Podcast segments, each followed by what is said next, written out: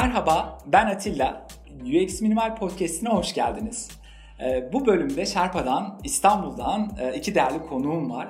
Şüheyda Oğan ve Alper Gökalp. Merhabalar. Merhaba. Merhabalar tekrar. Ee, birlikte servis tasarımı ve kullanıcı deneyim tasarımı arasındaki farklara odaklanan e, bir sohbet gerçekleştiriyor olacağız. E, bizi kırmayıp davetimizi kabul ettikleri için kendilerine tekrar teşekkür ediyorum ve yayınımıza hoş geldiniz diyorum. Davetiniz ee, için biz de teşekkür ederiz. Hoş bulduk. Dilerseniz sizi tanıyarak başlayalım. Ee, rica etsem biraz kendinizden bahseder misiniz?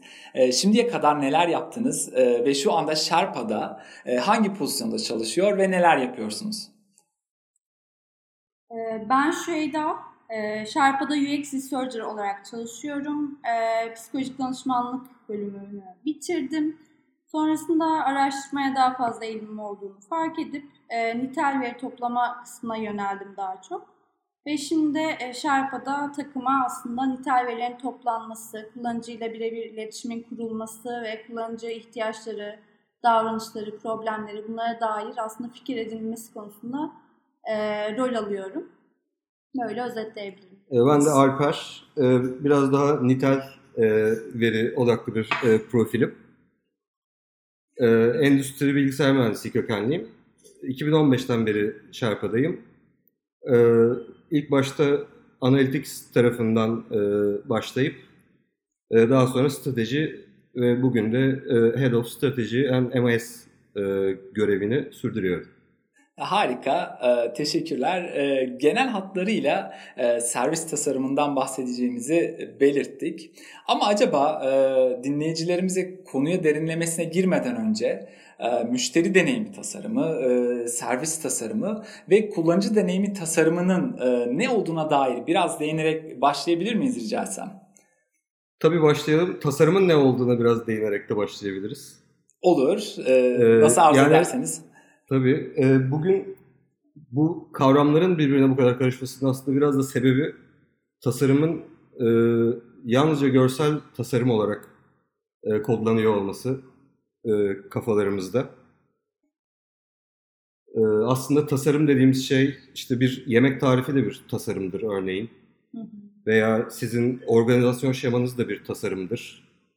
E, bir e, Excel dokümanı hazırladığınız bir Excel doküman da bir tasarımdır. Ee, biraz daha geniş kapsamıyla tasarımı e, önce düşünmeye başlamak lazım diye düşünüyorum. Hatta ben de şunu ekleyebilirim belki. Ee, son zamanlarda özellikle bu alana da girdikten sonra dikkatimi çeken e, kendi evimizde bile aslında tasarım yapıyoruz. Nasıl yapıyoruz? İşte e, mobilyaların yerleşimi, diş fırçası nerede olacak, bulaşık deterjanı nerede duracak vesaire bunlara dikkat etmeye başladım son zamanlarda. Çünkü orada evet. bir kullanılabilirlik var ve Evde de yine aynı şekilde konforlu olmalıyız. Mutfak dolaplarının yüzden, e, yapısı çok evet, kritik. Tencereler evet. nerede durur, tabaklar. Aslında bir aslında bir optimizasyon süreci yani değil mi evet. hayatımızın içerisinde? Hayat bir optimizasyon süreci değil mi? evet kesinlikle. Ben bunu çok kullanıyorum. Yani e, bir şekilde iş yerinde işte hayatımız optimizasyon oldu diye günün sonunda e, iş akışında bağlıyoruz böyle. Gülüyoruz falan. Ee, evet, evet aslında tasarım yani bu. Evet. Optimizasyon dediğimiz şey. Evet. Evet. Peki biraz e, hani daha önce dediğim gibi bu, bu müşteri deneyimi tasarımı, işte servis tasarımı, bu bu kalıpların ne olduğunu böyle kısa kısa Tabii. anlatabilir misiniz? Yani aslında e, işte pazarlama altındaki e, markalama, branding dediğimiz e, dünyanın içinde çıkmış bir şey e, müşteri deneyimi tasarımı.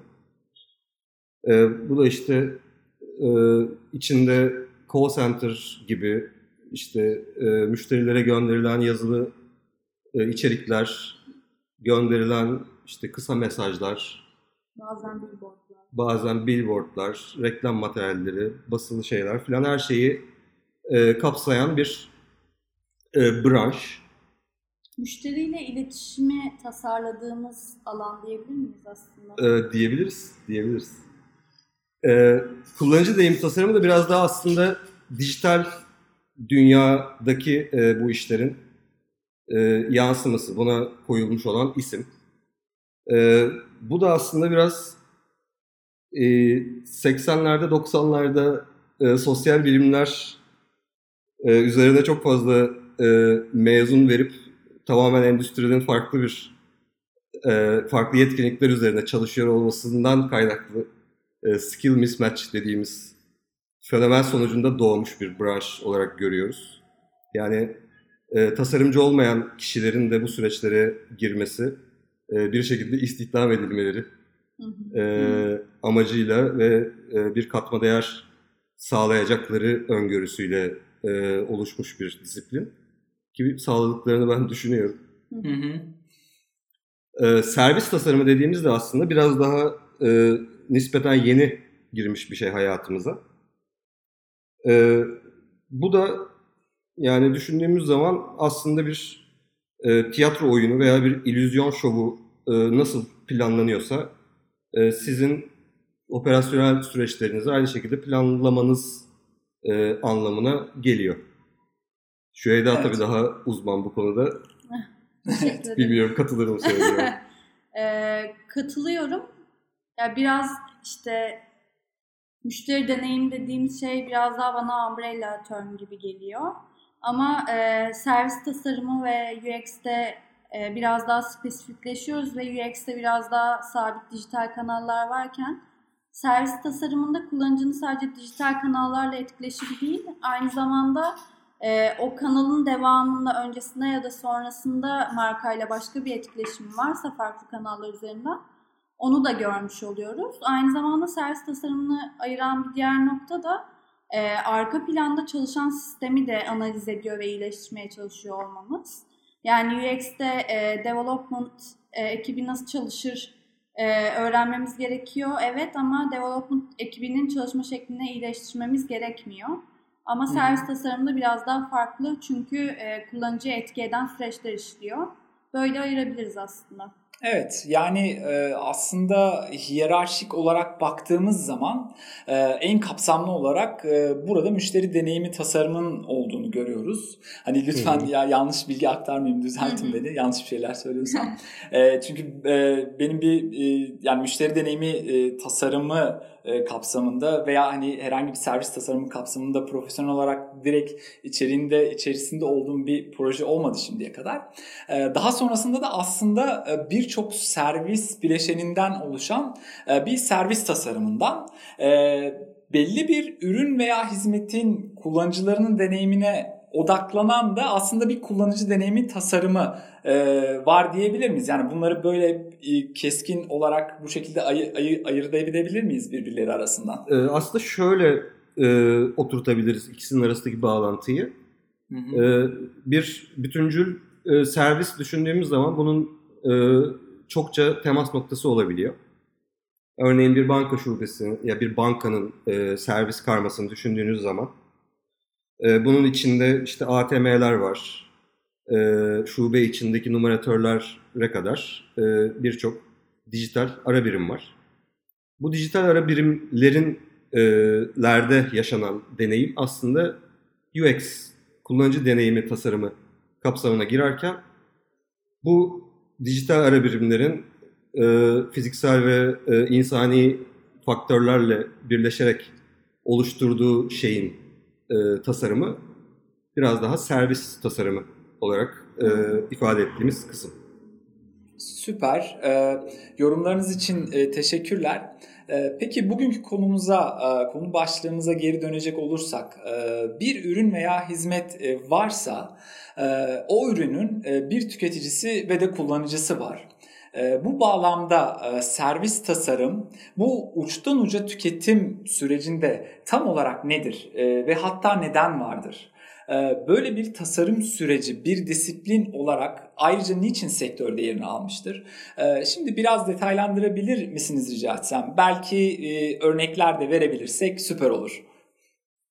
E, tabii yani aslında temel cevabı sorunun e, yetkinlik arzının talep üzerinde olması endüstride. E, yani böyle bir şey var. Çünkü günümüzde çok fazla e, birbiriyle muadil e, rakip e, oluşum, ürün, hizmet vesaire var. Ve işte siz e, Bakkalı aradığınız zaman da bir e, gofret getirtebiliyorsunuz evinize. Ya da bir uygulama aracılığıyla da e, evinize bir gofret gelmesini sağlayabiliyorsunuz örneğin. Hı hı. Bak bu uygulamanın da e, bu gofret teslimat işini finanse edebilmesi için bir şekilde bakkalın müşterilerini alması gerekiyor. E, burada da verilen hizmet tamamen e, eşlenik olduğu için e, tasarım tarafıyla, deneyim tarafıyla ayrışmaya çalışıyorlar. Örneğin e, işte bu uygulamalardan biriyle evinize sipariş verdiğiniz zaman e, kapıda ödeme yapmıyorsunuz. İşte gelen kişi sizinle e, çok fazla yüz göz olmuyor gibi e, sizin o temas noktasında yaşadığınız deneyimin biraz e, sizin beklentilerinize ilişkin o tarafın öngörüsüne e, dayalı olarak e, optimize edilmiş, düşünülmüş ve tasarlanmış olduğunu görüyorsunuz. Evet. Ve servis tasarımı da aslında bu noktada tamamen metodoloji, çok iyi bir metodoloji sunduğu için hayatımıza girmeye başladı. Biz aslında design thinking için de aynı şeyi söylüyoruz. Yani design thinking de mesela çok yine popüler. Neden bu kadar popüler? Çünkü insanlar bir şeyler üretirken, bir problemi çözerken e, bir yol arıyorlar ve mesela orada da kullanılan metotlar bu düşünme becerisini geliştirecek, belli bir structure oturtacak aslında yollar veriyor. Şimdi servis tasarımında da benzer bir durum var. Evet. E, çok e, yoğun paydaşlı bir sistemden bahsediyoruz. Peki Ve birbirlerine e, Peki e, çok özür dilerim şey daha böldüm ama şey e, yani şunu söyledin ya servis tasarım metodolojisi. E. Rica etsem bunu biraz e, açabilir misin? Hı hı, tabii. Ee, şöyle açayım aslında yine e, design thinking ile çok bağdaşlı. Oradan da çıkmış bir şey yöntemler serisi çünkü. E, dört tane adımı var aslında. Önce diyor ki e, bir servisin tanımla, onun içinde kullanıcının ne yaşadığını tanımla. E, bir servisi büyük resmini gör aslında. Sonrasında buradaki problemleri önceliklendir ve e, kendi iş modeline, iş hedeflerine uygun e, hede, kullanıcı ihtiyaçlarını ve problemlerini seç. O e, gördüğün problemler ve ihtiyaçlar arasında. Sonra da e, bunlara takımla birlikte, yine burada da kolaboratif bir süreç var.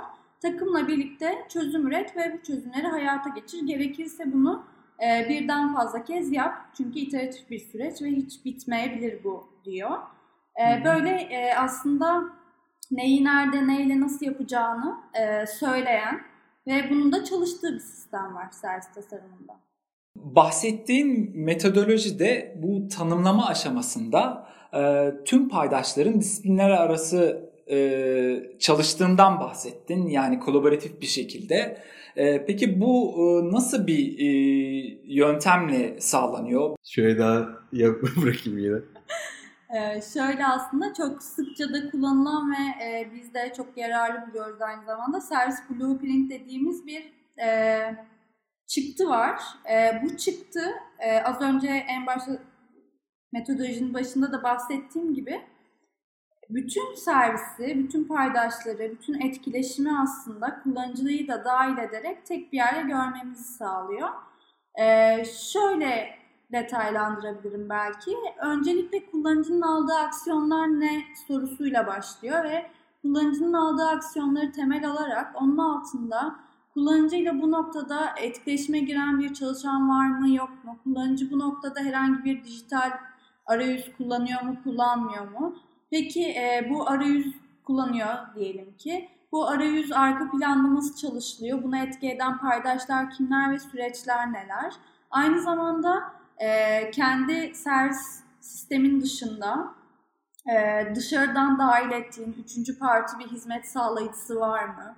Onlarla etkileşimi nasıl kuruyorsun, nasıl bir süreç işletiyorsunlar kadar aslında bütün resmi gösteren her bir adım için detaylı kullanılan bir servis blueprint var.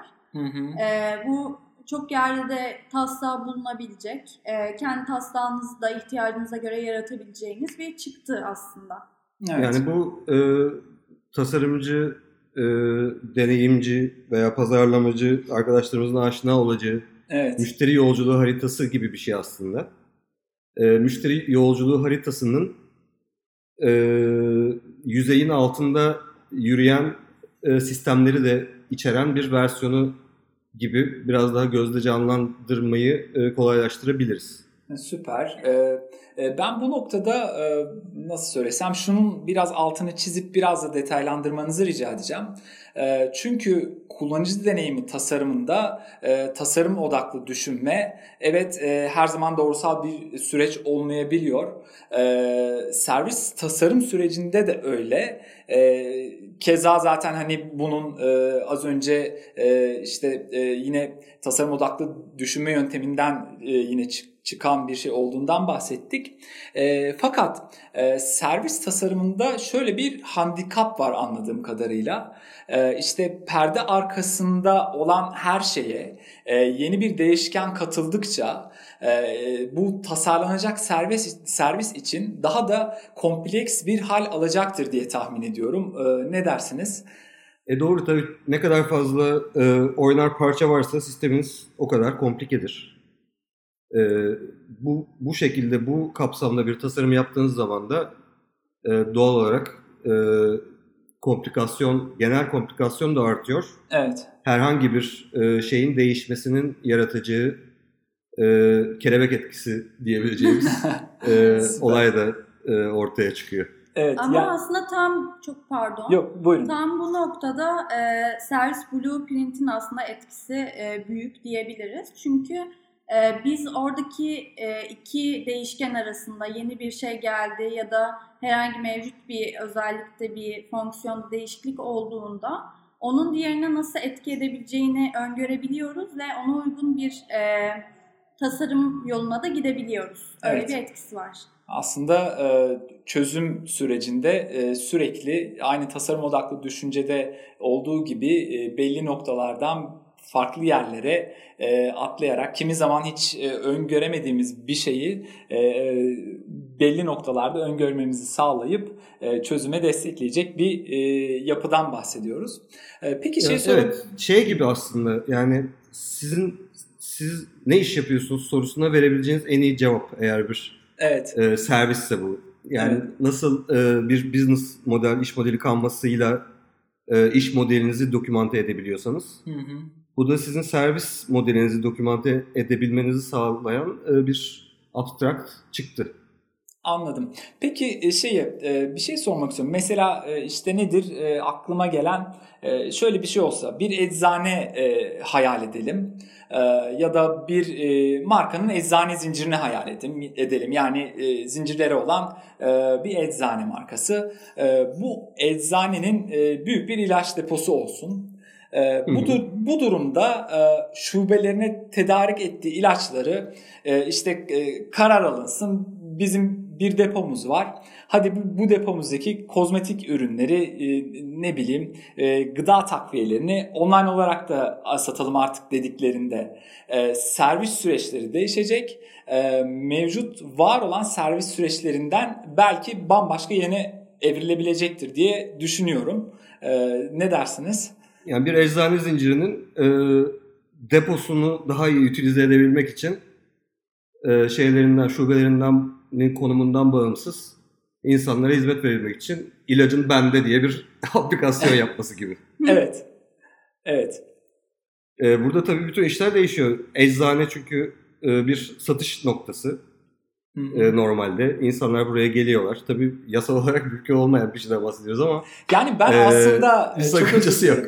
E, Alper ben aslında bunu şu an böyle bir şeyi hani sessiz düşünür gibi oldum da hani bunu bu soruya böyle e, örnek verebilecek bir projeniz üzerinden de belki bahsederek gidebiliriz yani. Hani... Ee, tabii.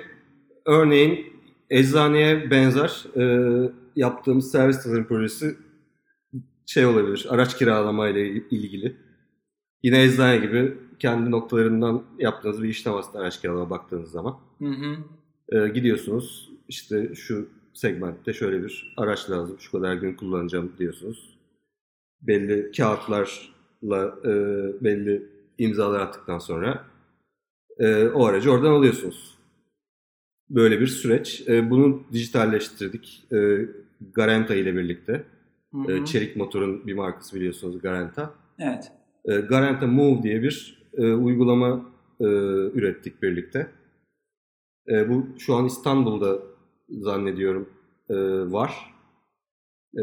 Ve yazlık bölgelere gidiliyor Hı hı. sezonlarda.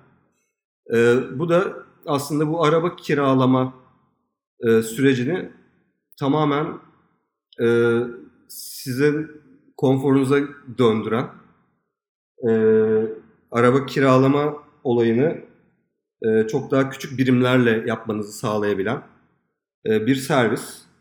E, şöyle çalışıyor. Cep telefonunuzdan uygulamanızı açıyorsunuz. E, bir kayıt süreci var e, online. Onu yaptıktan sonra bir araç çağırıyorsunuz ve e, bir vale bu aracı sizin çağırdığınız noktaya getiriyor. Gelirken e, geldiği rotayı da izleyebiliyorsunuz, takip edebiliyorsunuz. Ve e, kiraladığınız aracın kapısını e, cep telefonunuzdaki aplikasyon aracılığıyla açıp açtığınızda kiralama başlıyor. E, daha sonra kullanımınız bittiğinde e, yine cep telefonunuzdaki uygulama vasıtasıyla e, aracın kapısını kapatıp e, aracı olduğu yerde bırakıyorsunuz ve kiralamanız sonlanıyor. Evet. E, yani bu bir e, ürün serbestleştirme değil de servis disruption e, tarzı bir model. Evet aslında yani araç kiralamada işte saatli kiralayamama, işte şubeye gitmek zorunluluğu olması vesaire gibi pain pointlerin e, çözüldüğü bir servis tasarımı.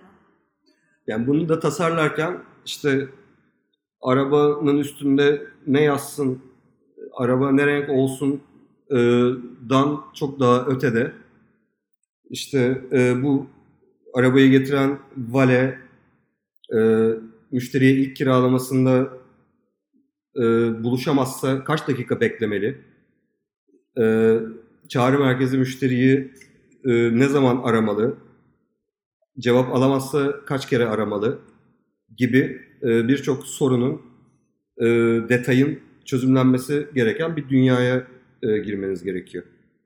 Bu da süreçte aslında e, zincirleme, e, olası bütün ol, olabilecek, e, karşılaşabilecek durumlar için işte uygulamanın kullanılmasından, e, ar, aracın durumuna, bilemiyorum belki işte mesela aklıma direkt şey falan geliyor. Araçların e, bakım zamanı belki ne zaman yapılacak, işte e, karşılama hı. nasıl olacak. Aslında bütün bunların detaylı Tabii, perde tabii, tabii. arkasında e, birçok e, sorunun cevabına hazırlanma süreci gibi bir şeydir diye tahmin ediyorum. Tabii benzin yüzde kaça düşerse e, araç benzin takviyesi yapmalı. İşte kaç kullanımdan sonra e, yıkamaya gitmeli veya hangi istisnai durumlarda doğrudan yıkamaya götürülmeli gibi e, hiç düşünmek istemeyeceğiniz e, bir- birçok şeyi Ve düşündüren bir bazen süreç. de aslında düşünemediğiniz o noktada da tam olarak işte e, o define adımı dediğimiz adımda kullandığımız yöntemler, Yöntemler. devreye giriyor. Evet. Orada kullanıcının ne yaşadığını anlamak için işte bazen gözlem yapıyoruz. Bu çalışma özelinde servis safarisi yöntemini kullanmıştık Hı örneğin. hı.